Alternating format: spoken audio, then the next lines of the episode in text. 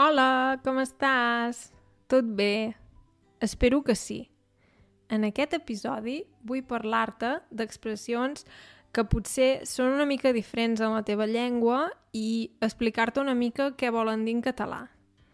Aquesta idea l'ha tingut una persona que ha deixat un comentari al meu vídeo sobre el podcast. Si tu també vols donar-me idees, pots fer-ho a l'enllaç que et deixaré a sota. Molt bé, doncs som-hi.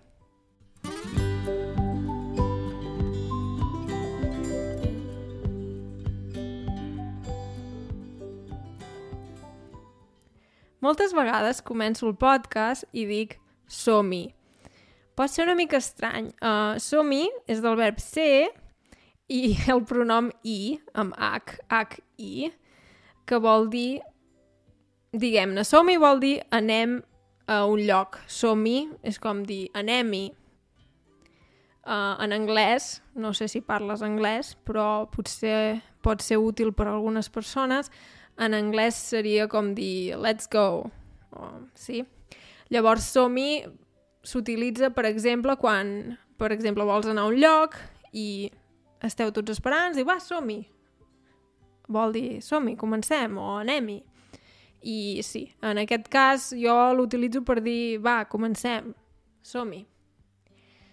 Llavors també, um, per exemple, hi ha l'expressió que vagi bé, que també dic moltes vegades al final de l'episodi, que vagi bé és una manera de dir adeu.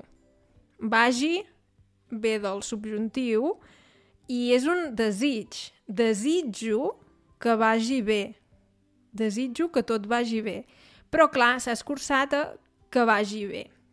Llavors és una manera de dir adeu, però és una manera que a mi m'agrada. M'agrada perquè, no ho sé, és un bon desig per a la persona. Llavors trobo que és una manera maca de dir adeu. Llavors també per dir adeu, de vegades pot ser que sentiu adeu siau. Adeu siau. És una manera més antiga de dir-ho i vol dir el mateix, però sí, pot ser que, que ho sentiu i de vegades sentireu que la gent diu Déu. S'escurça, no es diu adeu, sinó Déu, i s'allarga una mica, adéu, que vagi bé... sí, això es fa de vegades. Llavors, aquesta persona que comentava uh, el vídeo deia, per exemple, que, que era una mica estrany dir m'ho passo bé, passar-s'ho bé.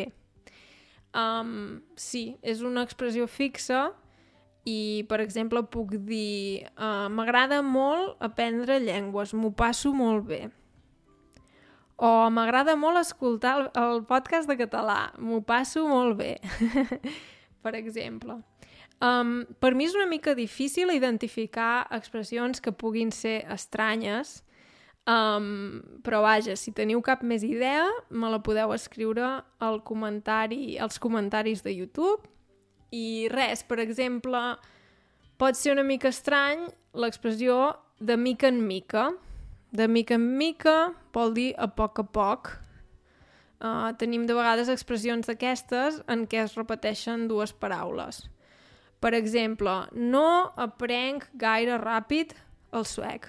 L'aprenc de mica en mica. Vol dir que faig petits passos, vaig a poc a poc, no vaig ràpid, però de mica en mica vaig avançant. Per exemple. Llavors, una cosa que de vegades als estudiants els sorprèn és uh, la paraula oi. La paraula oi és per confirmar una cosa que hem dit. Per exemple, t'agrada el cafè, oi? Um, escoltes el podcast cada dia, oi? És perquè la persona digui sí. Sí. sí.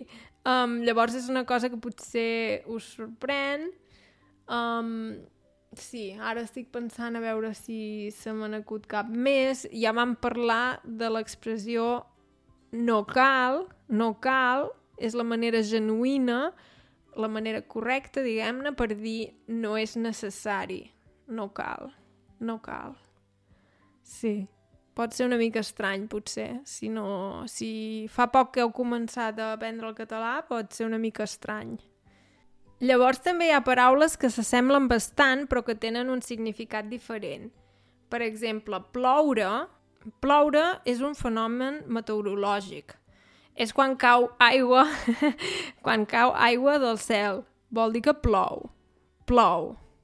Que plou?